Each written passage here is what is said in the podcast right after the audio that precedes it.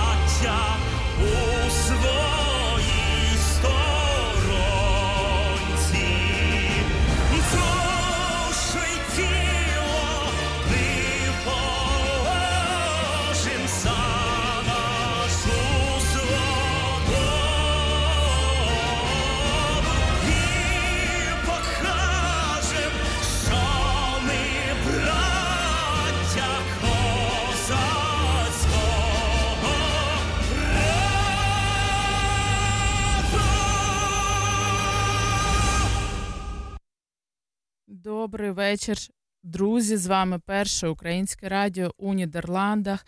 Мене звати Інеса, і я рада вітати вас на хвилях нашого радіо кожної середи з 18 до 20 години. І, як завжди, на початку кожного етеру ми вшановуємо піснею пам'ять воїнів, героїв України, а також всі душі, які невинні душі, які згубила ця жорстока війна вічна пам'ять тим всім, хто пішов.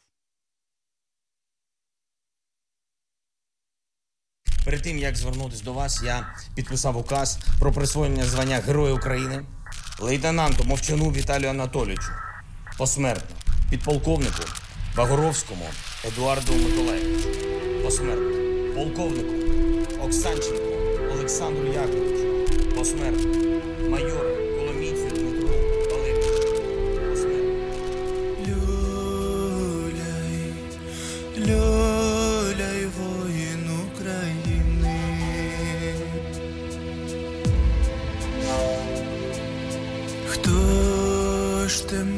залюляє, як бою погинеш?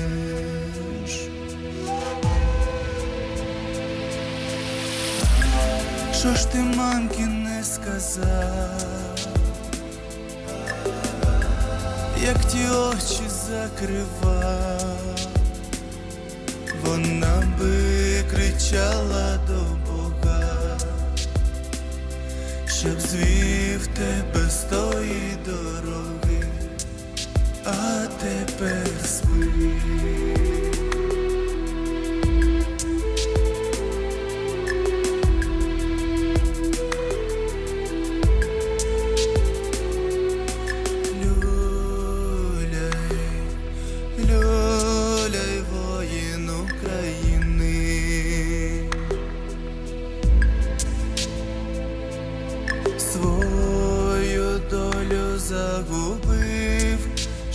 Жила дитина,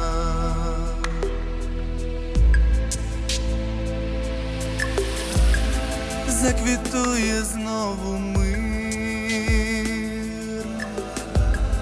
у цілісінькому світі, а ти спи в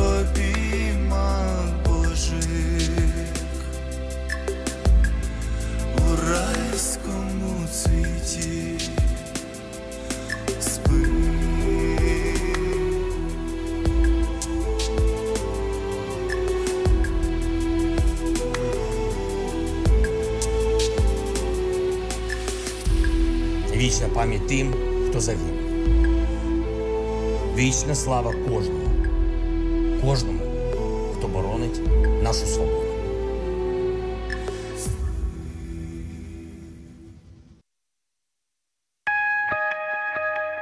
Я бачив сталь, і як падає небо, я бачив те, чого нікому не треба.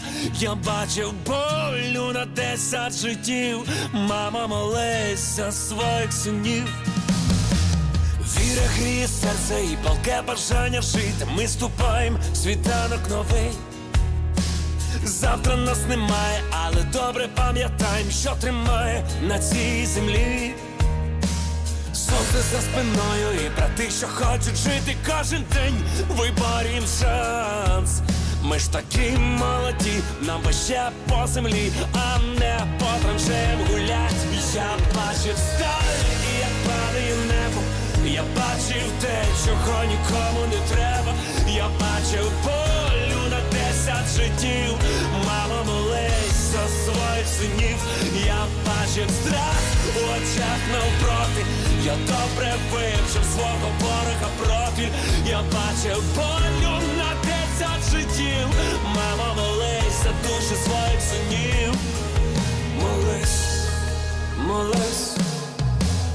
Ми йдемо на схід і тут ніхто вже не питає, коли нас побачить сім'я. Стоїмо на смерті, захищаємо кожен метр, наша земля свята. Серце стало сталю, нас ніхто вже не впізнає, ми забули минуле життя. Вічна слава тим, хто захищає дім, і кого вже з нами нема. Я бачив сталь, і як падає небо. Я бачив те, чого нікому не треба. Я бачив болю синів. Я бачив страх у очах навпроти. Я добре вивчив свого ворога проти, Я бачив болю на десять життів. Мама молися, дуже душі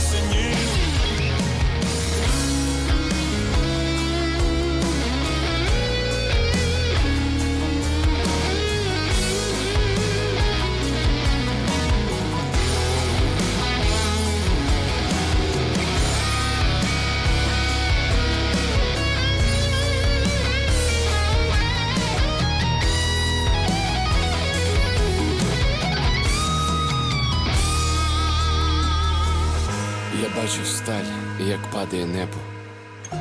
Я бачив те, чого нікому не треба. Я бачив болю на десять життів. Мама молись! Я бачив сталь, як падає небо. Я бачив те, чого нікому не треба. Я бачив болю на десять життів. Мама молись за своїх синів. Я бачив страх навпроти. Я добре вивчив свого ворога профіль. Я бачив бою на десять життів. Мама молись душі своїх синів. Молись.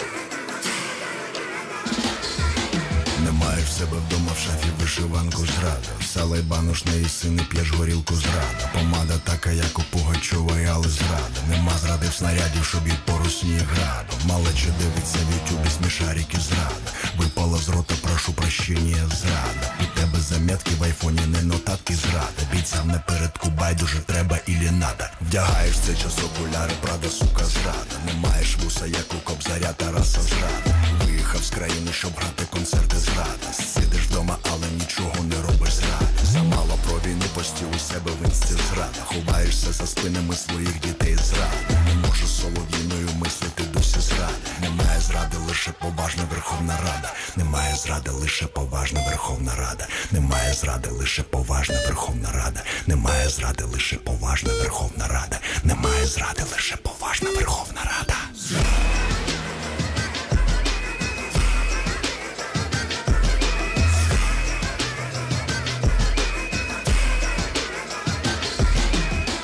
заплуталися ми рідні у термінах. А чи не зазираємо таким чином у темряву? Чи не надто забагато сили йде заради зради? Чи не стаємо ми нацією схожою на стадо?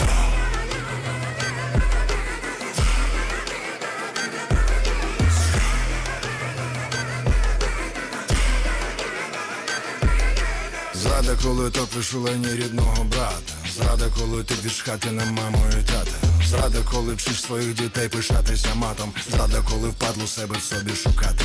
Зрада, коли баблом заклеїва на хату. Зрада, коли мовчиш, хоча є що сказати. Зрада, коли можеш болем та жалістю грати. Зрада, коли кладеш собі в кишеню донати.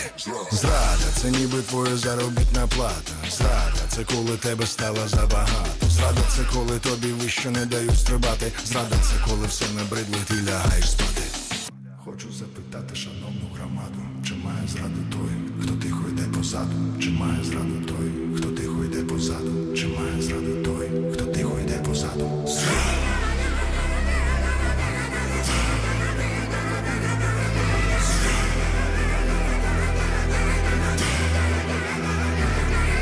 Зрада, коли нехтуєш подвигами побратимів, зрада, коли наповнюєш серця негативом, зрада, коли втратив у людях надію та віру, зрада, коли війна стала зручніше за мир, зрада, коли нехтуєш подвигами побратимів, зрада, коли наповнюєш серця негативом, зрада, коли втратив у людях надію та віру, зрада, коли війна стала зручніше за мир.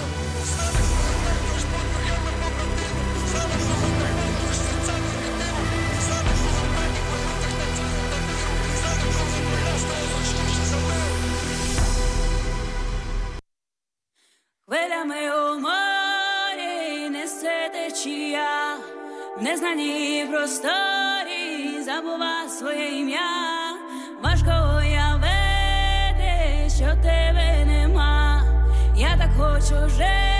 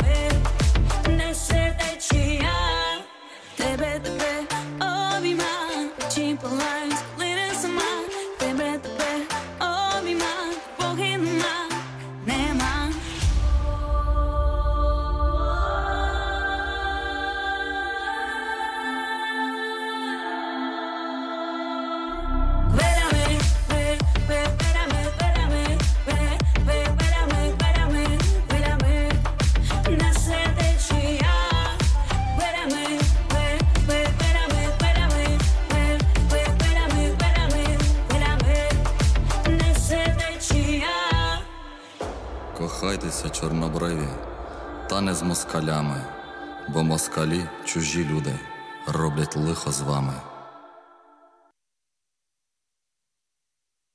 Друзі, сьогодні середа, і це значить, що ви можете налаштуватися разом з першим українським радіом у Нідерландах на хвилю добра. Це рубрика, яка працює для вас корисним порадником та інформаційним ресурсом, бо запрошує кваліфікованих спеціалістів та експертів у, експертів у різних галузях, які діляться, які діляться з вами своїми знаннями та досвідом у прямому етері. І сьогодні ми продовжуємо сесію юридичної грамотності від Оксани Брізмер, разом із хвилею добра. Сьогодні друга сесія, тема якої права працівників відповідно до трудового законодавства Нідерландів.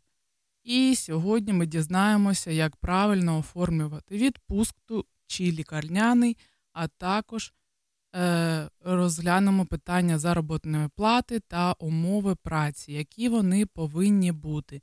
І сьогодні наш експерт це Оксана Брізмер, яка є засновником юридичної компанії Hers Lawyers, юрист з величезним досвідом роботи у Нідерландах, а також дуже гарна та добра жінка, з якою ми почуємося після музичної паузи. Тож залишайтеся з нами.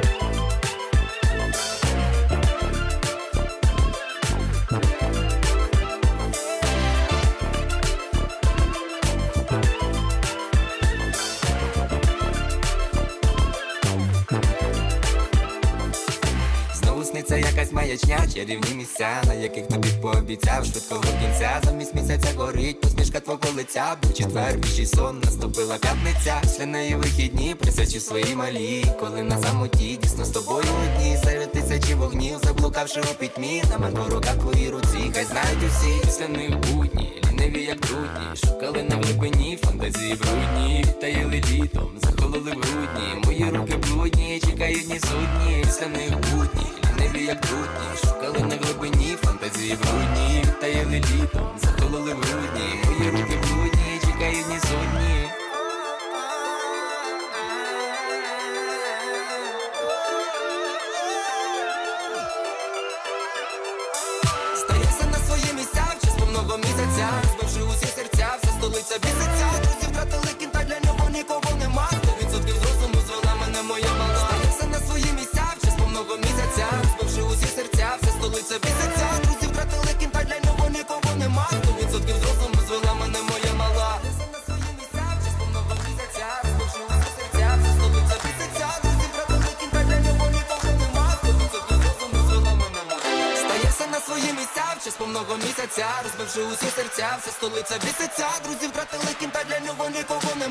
відсотків зовсім звела мене моя мала. Та все на свої місця, чи з повного місяця Розбивши усі серця, вся столиця біситься, друзів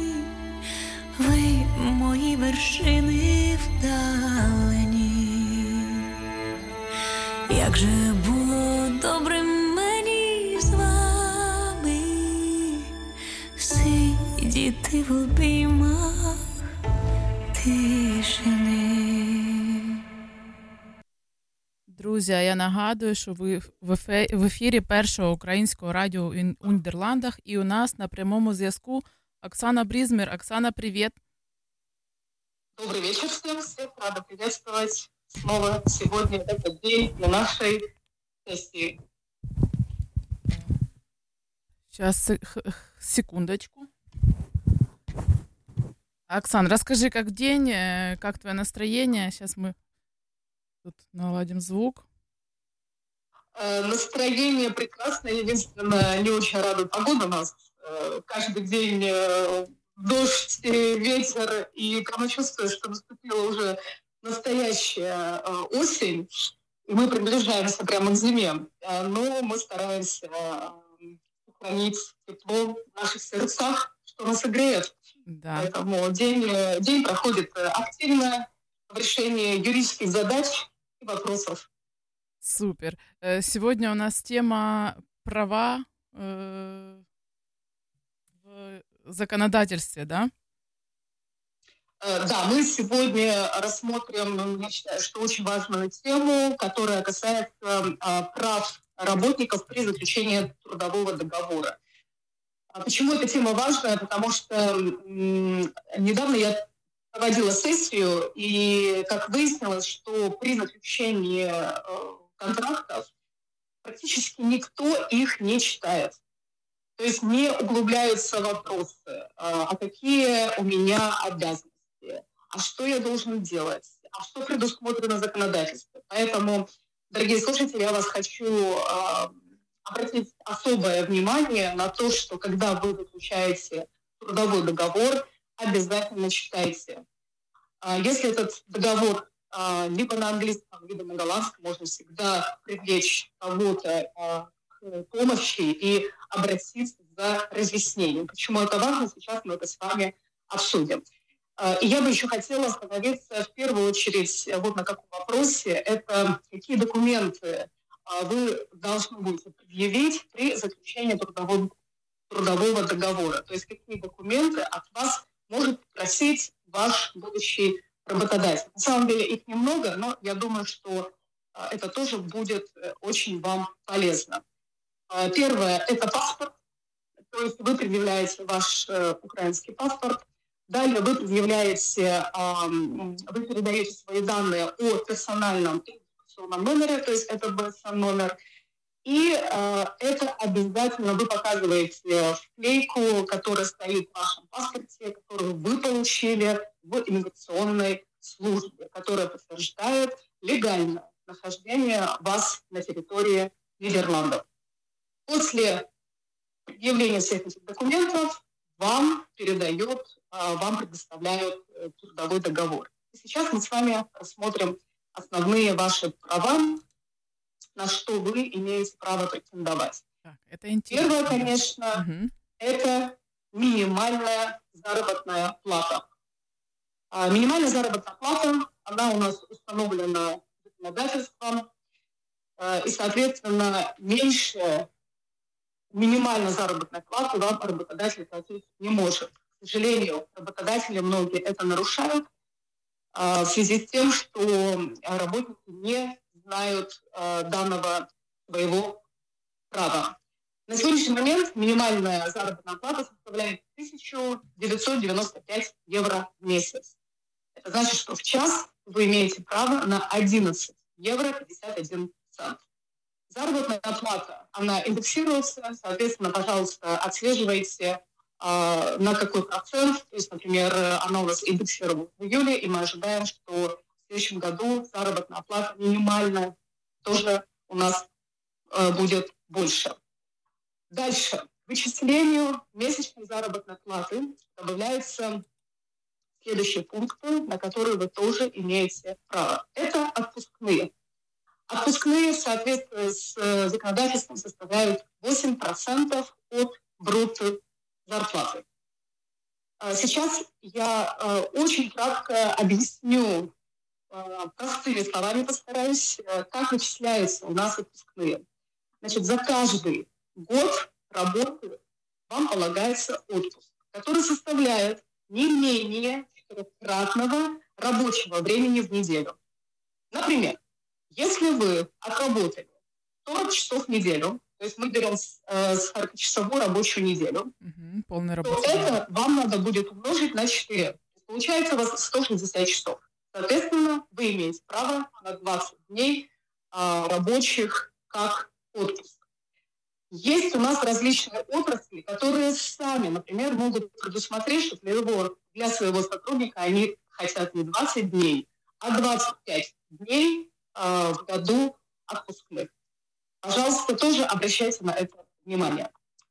Как я сказала, 8% от брутто зарплаты, и это идет начисление вам заработной плате, которая может перераспределяться в течение года. Например, то есть эти 8% вам выплачивает работодатель каждый месяц, либо он это может делать один раз в году.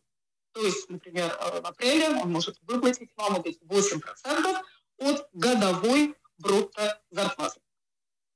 Работодатель сам Следующий выбирает момент. это? Э, э, можно я задам вопрос? Работодатель да, сам выбирает этот месяц, когда он выплачивает эту заправку? Он может это обсудить с работником. То есть многие работодатели, обсуждая с работником, могут определить, как даже самому работнику будет удобнее. То есть это получать раз в году, вот эти 8%, либо все-таки перераспределить и получать каждый месяц. Хорошо, понятно, спасибо.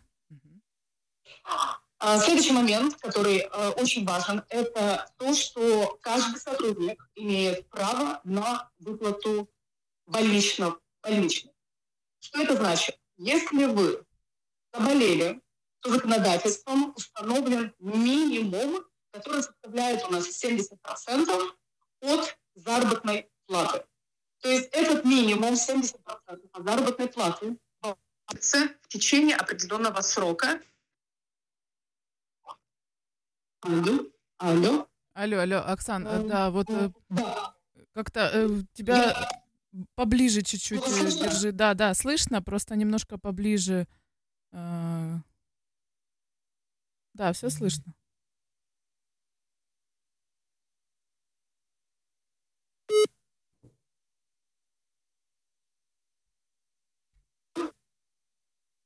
Да? Алло, нас... Да, да, да, да. Да? Да.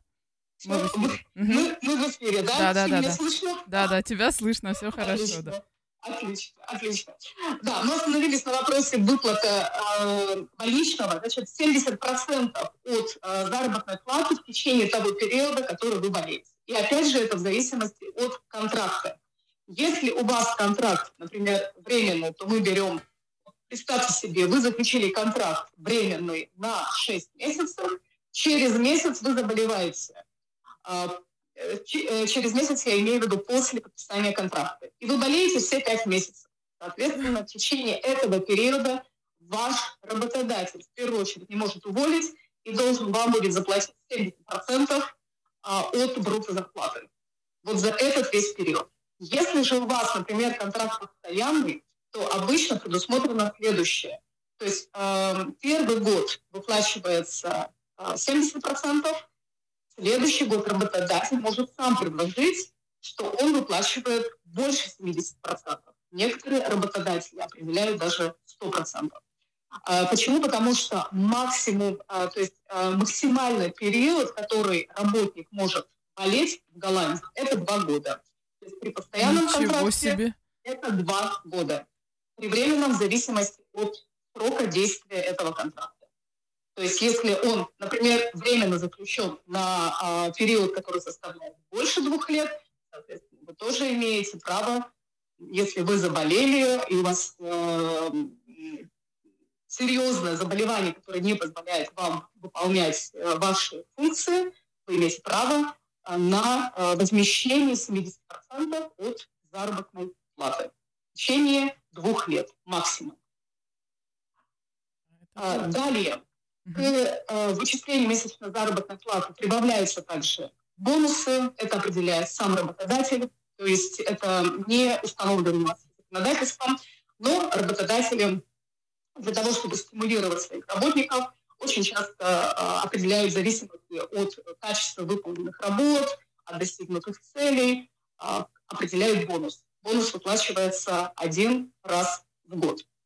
А, и теперь я бы хотела обратить еще ваше внимание, дорогие слушатели, на что вы имеете право а, в а, связи с заключением контракта. Есть дополнительные условия, дополнительные, которые также может предоставить вам компания. Это оплата транспортных расходов. Работодатель не обязан вам их оплачивать но часто работодатели в виде дополнительных э, льгот это предоставляют. На данный момент это составляет 21 евроцент за километр. Есть работодатели, которые платят вам, к примеру, вы живете на расстоянии 20 километров, за первые 10 километров вам работодатель не платит, а платит только за 10. То есть, э, опять же, это все в зависимости от ваших договоренностей с работодателем. А, также работодатель вам может оплатить покупку велосипеда. Это тоже предусмотрено у нас. Э, это, извините, не предусмотрено законодательством, но это может быть Э, в виде как дополнительной льготы, которую вам предоставляет работодатель. Работодатель может оплатить квартиру для сотрудника, а, может э, потратить деньги на обучение, может оплачивать, например, питание за сверхурочную работу. И обязательно, мы говорили это, по-моему, в предыдущей нашей сессии, вам работодатель обязан оплачивать э, сверхурочное время. То есть, если в вашем контракте установлено рабочее время с 9 до 6, а, и мы берем э, пятидневную рабочую неделю, но вас просят, например, переработать, то есть вы работаете не, а, не до 6 часов, а до 8, то вот за эти два часа вам, работа, вам работодатель обязан доплачивать. Доплачивать а, или платить тоже... двойную тоже? Можно тут вопрос э, такой? Или двойная? Да, например, если... Да, очень хороший вопрос. Если вы выходите в праздничные дни, а, в праздничные дни, я имею в виду, которые у нас установлены законодательством, то, э, или, например, вы выходите в выходной день, так. здесь вам работодатель должен оплачивать в двойном размере. А, часто бывает, что это все вы обговариваете на стадии подписания договора. То есть, чтобы не возникало этих потом вопросов у вас уже в процессе. То есть на стадии, если вы понимаете, что а, может быть, может так произойти, что вы будете выполнять какую-то работу дополнительно, обязательно обсудите это с вашим работодателем. Так, это что касается э, всех моментов, которые я хотела обсудить касаемо ваших прав. И хочу еще вот что отметить. Я думаю, что многие, те, кто уже начали э, работать, э, это тоже очень важно, что в зависимости от размера вашей заработной платы вы имеете право получать дополнительные льготы от государства. Что я здесь имею в виду? Это первое, доплату на медицинские расходы. Это мы называем, я буду говорить а, голландское название, чтобы вы, если вы это увидите, вы понимали, о чем идет речь. Это зорхтуслах. Второе – это пособие по аренде. Это хюртуслах. И пособие на детей и компенсация за садик. То есть почему я об этом сейчас упомянула? Потому что это именно вы имеете право в зависимости от уровня вашей заработной платы. Если вас эти вопросы будут э, интересовать, у вас возникнут какие-то вопросы по этим темам, вы можете нам их задать, мы их обсудим в одной из нашей следующей сессий. Спасибо тебе большое, Оксана, за мега полезную сессию э, и твое время, и вообще за э, то, что ты делишься с нами такой информацией, потому что э, я думаю, что для наших слушателей это очень полезно и, э, и как, очень актуально на сегодняшний день. Я вас тоже благодарю за эту возможность. Э, наша компания рада делиться своими знаниями, э, потому что знание — это наша сила. И поверьте мне, когда вы будете понимать, какие ваши права, на что вы можете рассчитывать, вы совершенно даже по-другому будете себя чувствовать в разговорах с вашим работодателем. Потому что работодатели очень часто используют слабую позицию работников, э, именно недостаточно знания законов и недостаточно знания языка. А если вы хотя бы чуть-чуть будете знать, э, на что вы имеете право, тогда все в ваших руках. Это ваша сила. И слушайте каждую среду Оксану Бризмер с ее сессиями, потому что это блок очень э, полезной информации, которую э, не везде найдешь. Да, Оксана? Это правильно. Э, очень много информации я хочу отметить, конечно же, в социальных сетях, но в социальных сетях не пишут юристы. В основном пишут люди, которые каким-то образом где-то что-то слышали. Мы работаем с первоисточниками, мы работаем с юридическими документами, мы работаем с законами, а, поэтому то, что вы сейчас слышите, это именно а, из самых э, верных источников, которые, которые у нас есть, а именно наши законы, которые мы используем для того, чтобы передать вам а, самую верную и точную информацию. Да, поэтому, пожалуйста, э, подключайтесь к нам каждую среду. Это во благо же вам, а, потому что этих сессий у нас немного. Сегодня у нас была да, вторая, да. Угу. Первая? Нет. Вторая, вторая. вторая была, угу. да, и у нас всего их восемь. Поэтому те, кто либо работают, либо планируют работать, э, либо думают э, устроиться на работу, либо уже стали заключение, кстати, подписания контрактов, я думаю, то, что вы сейчас услышали, вам это очень поможет. Да. И, и... ждем ваших вопросов обязательно. Спасибо большое. Хотела сказать, что еще это все звучит из уст очень красиво и высококвалифицированного специалиста, поэтому и доброго человека, что самое главное для волны добра. Спасибо за твое время, за э, бесценную информацию. Э, хорошего тебе вечера и услышимся на следующей неделе.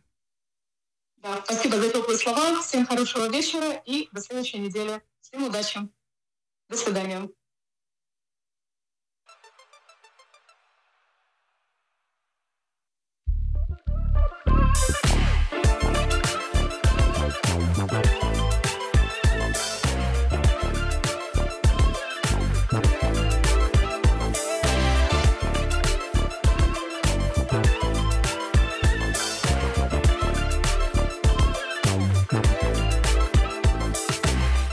Сниться якась маячня.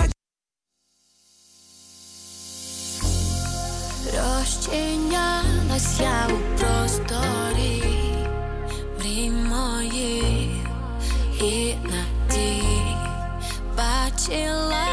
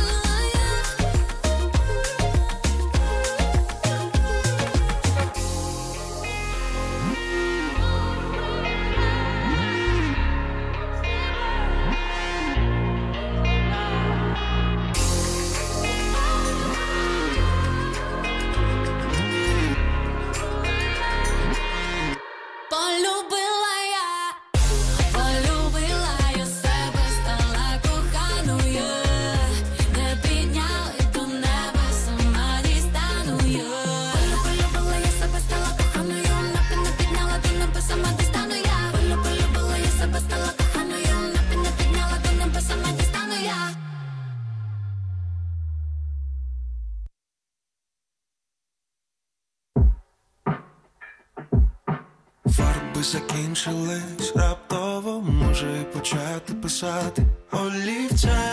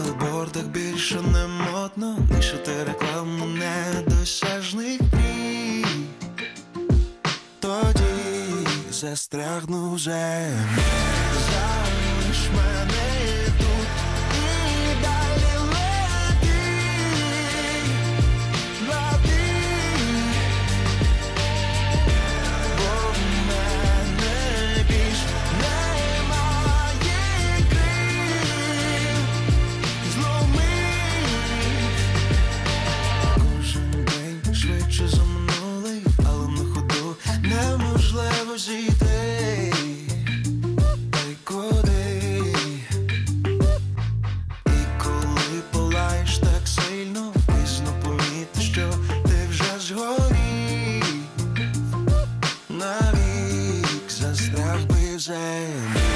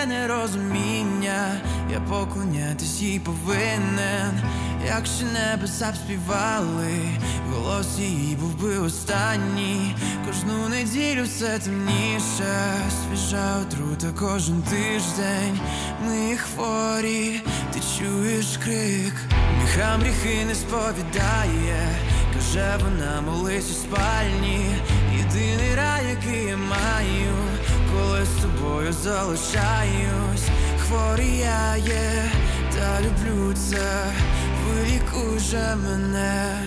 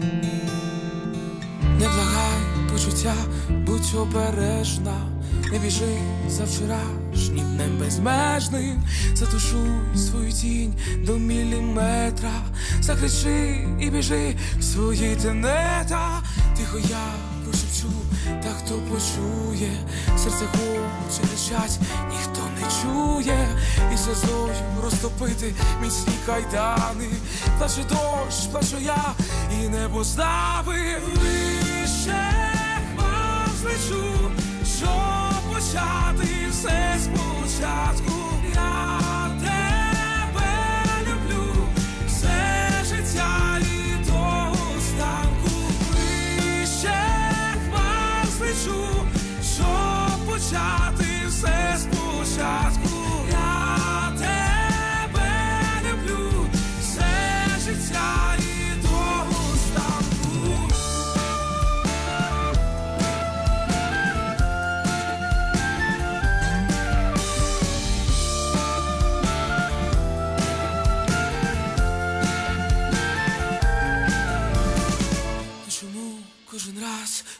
злітаєш, щось тримає тебе, і ти не знаєш, як любов зберегти, але це тайна, і до зустрічі сказати, та не буквально, тихо я розчу, та хто почує, серце хоче кричать, ніхто не чує, моя воля міцна, та хто повірить, і я знаю сльозам.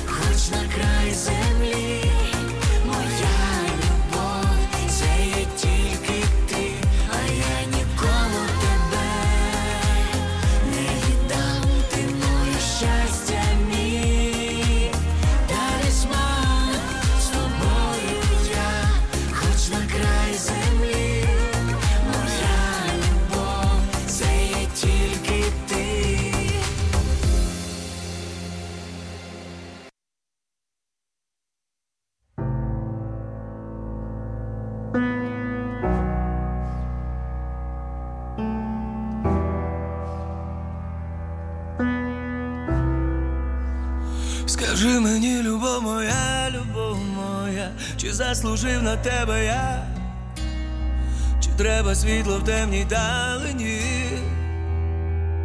Скажи мені, не дай, не дай мені упасти, ми вічно між горем і між щастям, як би не було, дозволь цей шлях пройти з тобою. Життя свої розставило вже пастки, любов це все, що є, її не вкрасти. Не дай мені упасти, скажи мені, любов моя, любов моя, чи заслужив на тебе я, а якщо ні, то правду не кажи. Ти завжди в серці хоч біжи, хоч не біжи. Скажи мені, любов моя, любов моя, чи треба кораблю маяк, чи треба світло в темній далині? Скажи мені, спини мене на краю прірви, ти та одна, кому я завжди вірю, з моїх думок тебе не зітре жоден ластер. Що буде завтра, я не знаю, але що є, на нас поставлю. Дай мені упасти. Скажи мені, любов моя, любов моя, чи заслужив на тебе я? А якщо ні, то правду не кажи. Ти завжди в серці хоч біжи, хоч не біжи.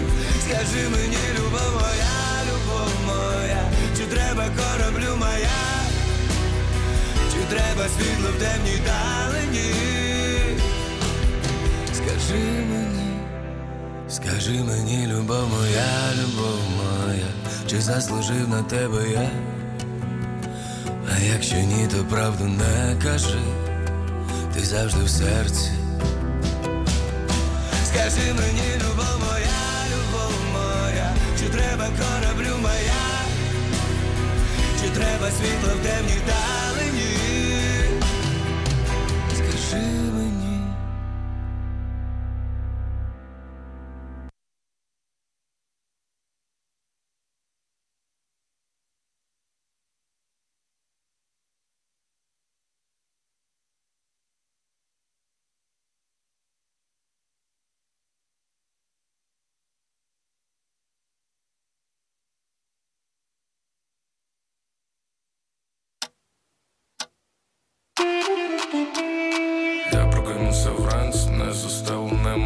Ліжко, якось все пішло дуже стрімко, якось не по плану. Обійми залишив холодний сніданок. Сьогодні до на світанку, ти зі мною будеш на фото, щоб я завжди міг пригадати.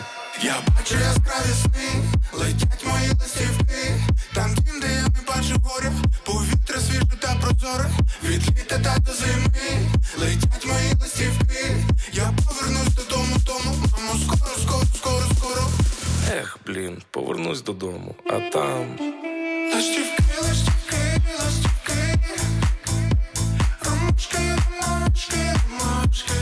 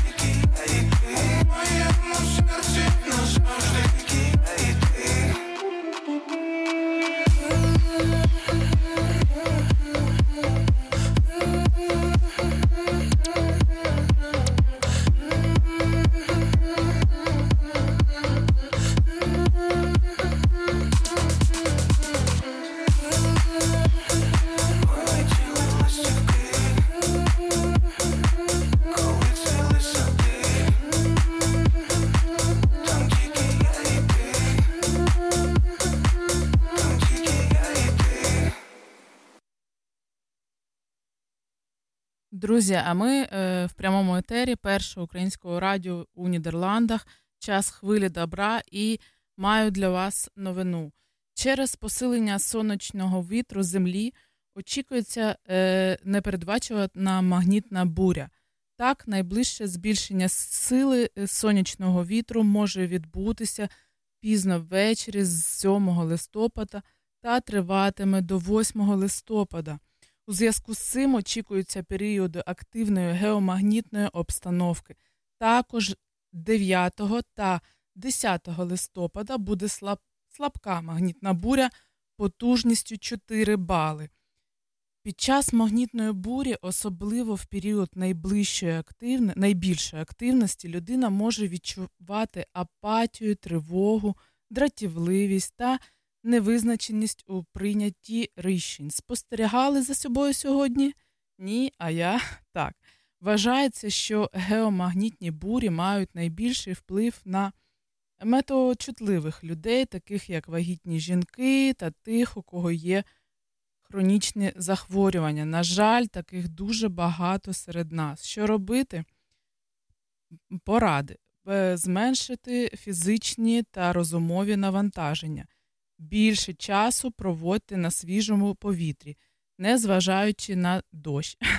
Підтримуйте здоровий раціон харчування у періоди бурь, уникайте вживання кави, алкоголю та енергетичних напоїв, жирної їжі, а також намагайтеся зменшити кількість викорених сигарет, якщо ви палите. Приймайте теплі трав'яні ванни, Займайтеся хобі або будь-якими приємними справами для вас.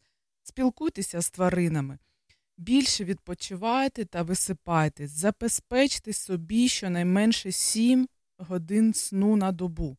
Для якісного сну використовуйте беруші, пийте більше води, е, щонайменше 1,5 літри на, на день, і найчастіше використовуйте воду з мінералами та електролітами. Включайте у свій раціон більше сезонних овочів, фруктів, горіхів та рибу. Уникайте стресу та тривожних подій. По можливості не спілкуйтесь з неприємними людьми. Перевірте вміст аптечки та наявність е, в ній необхідних ліків. Такі дії, е, друзі, допоможуть вам пережити навіть найсильніші магнітні бурі непомітно для здоров'я.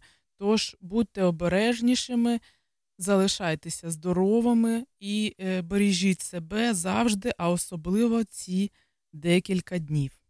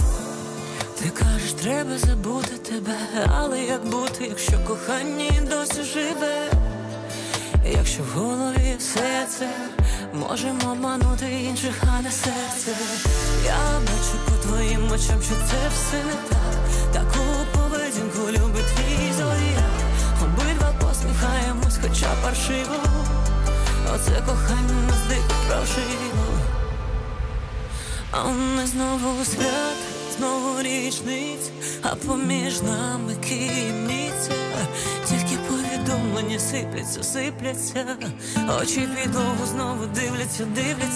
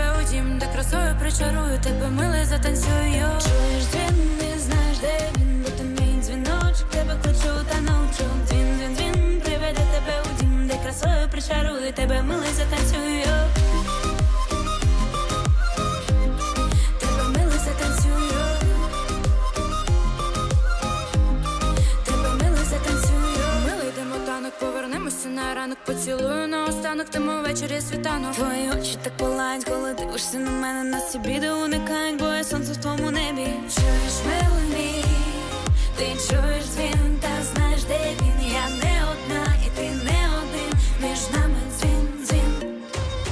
Чуєш дзвін, не знаєш, де він, бо то мій дзвіночок тебе кличу та ночу. Дзвін, дзвін, дзвін, приведе тебе у дім, де красою причарую тебе, милий затанцюю.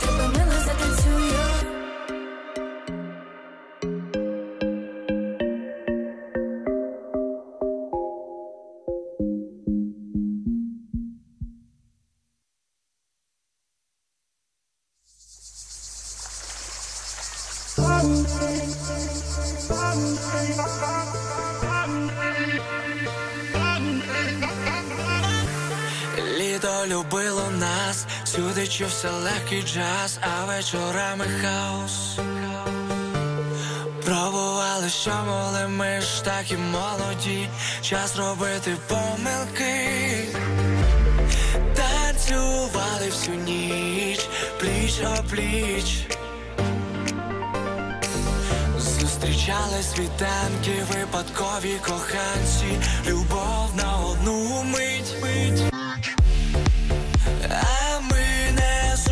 Зупинялись, просто не могли, бо ми ніколи вже не будемо такі. Любили,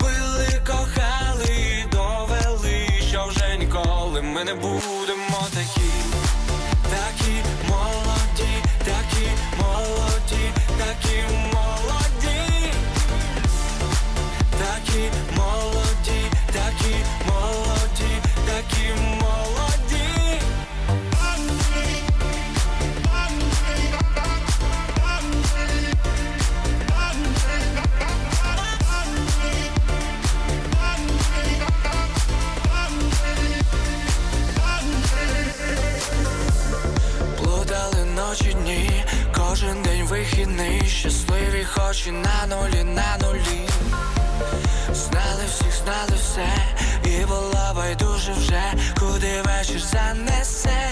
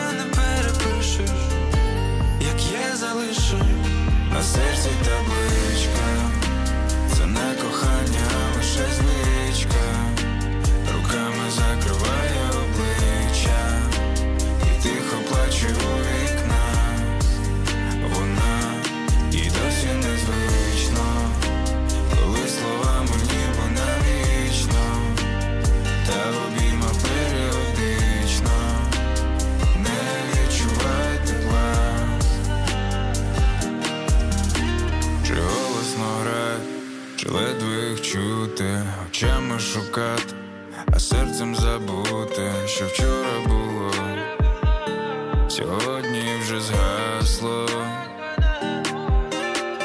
Як не було там, як би ти не звикла, знову ти сумуєш у вікна.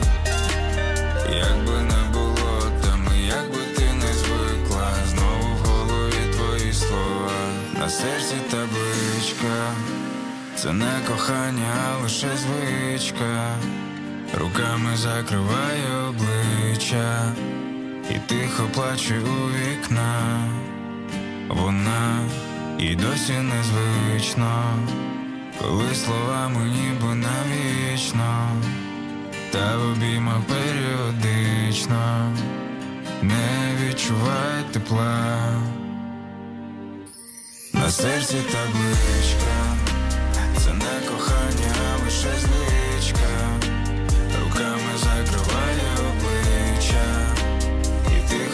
плаче у вікна, вона і досі незвично, коли словами ніби навічно. Та в обіймах періодично не відчуває тепла.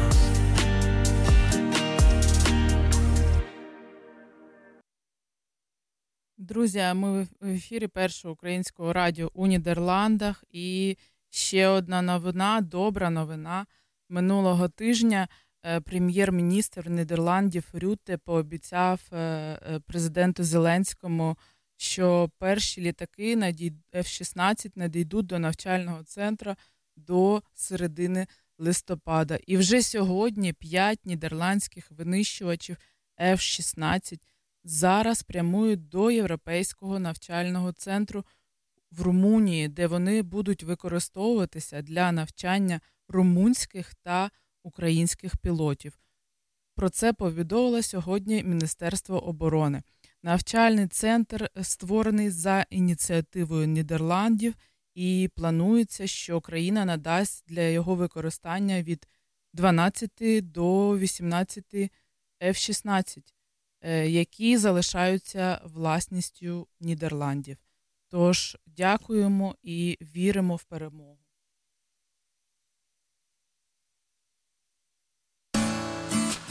Тільки не сьогодні, не зникай таксі, бо без тебе в місті гаснуть всі вогні. Тільки не сьогодні, не зникай таксі, бо без тебе гаснуть всі Я далі п'яним ливина, я шукав стакані, тебе випив помало мала помаді. Голову кружили мені твої примхи, позбавила надії, пишу по пакані. У факту, де тебе нема, завжди сіро оні. А мама вірить, що разом ми до неї ще прийдем. А дні летіли ліки, одні на землі. Попали листя, міняла завжди сіра зима. Вона Тільки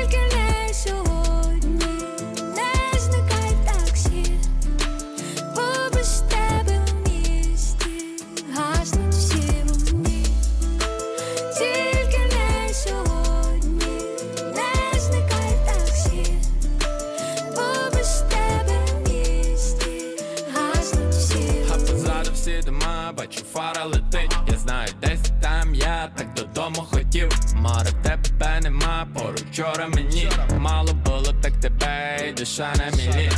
Свою саме ти не топлю хмелі Опора завжди при мені, бо згадав я тебе Ворон полетів, висимо висоті Чую поряд моя мрія, ми йдем по імлі Ні голосів, ні звуків, я все змогла забути, і ти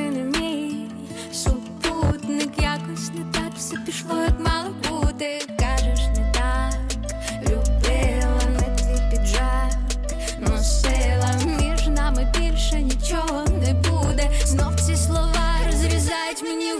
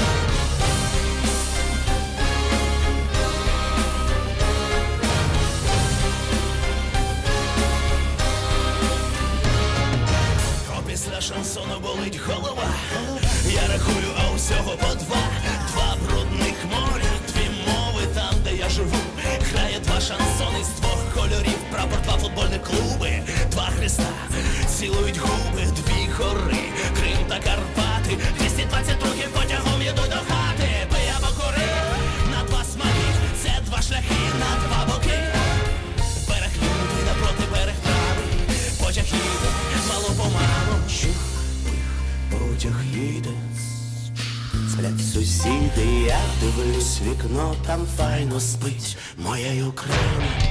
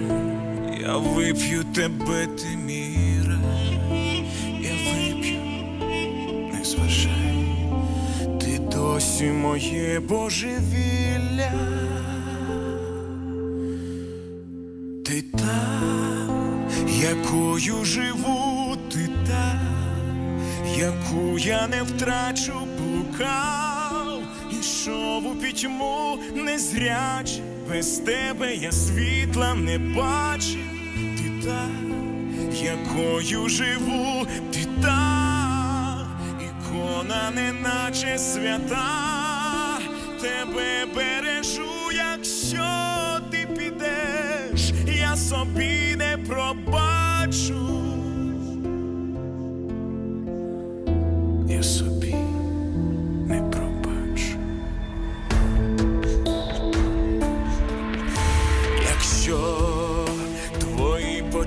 життя віднесло, якщо я для тебе ніщо, подай мені кулю, будь ласка.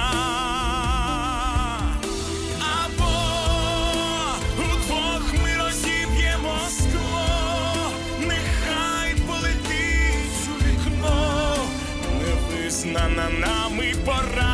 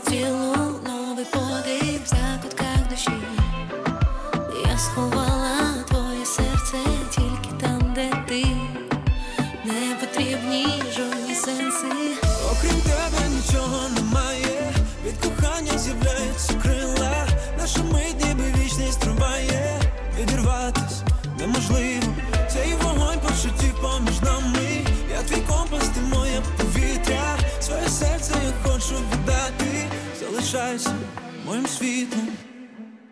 Пролітають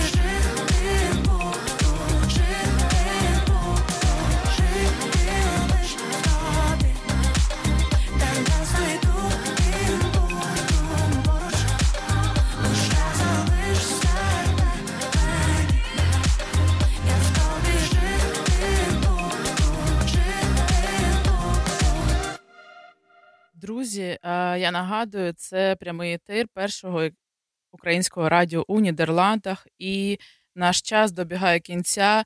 І хочу сказати, що допомагаючи іншим, ми допомагаємо самим собі. Робити добро треба від усього серця. Тоді ці справи будуть приносити радість усім. У нашому сучасному світі багато людей не знають, що значить робити добра. Всі зайняті своїми проблемами, їх не цікавлять проблем інших. Це говорить про те, що зростає егоїзм людей. Вони не відчувають навколишнього світу і не помічають його. Якщо ви не помічаєте чогось, то й не помічають вас. А якщо ви допомагаєте, то будуть допомагати і вам. Все в світі взаємопов'язано. Ну а точніше, що посієш, те й пожнеш. Наша рубрика намагає сіяти добро і закликає вас робити те саме. І, звісно, слухати хвилю добра кожної середи на першому українському радіо у Нідерландах, де я, Інеса Гавриленко, буду намагатися е, зробити цей ваш час із нами максимально корисним та цікавим. Дякую, що сьогодні були з нами. Почуємося наступної середи. Все буде добре.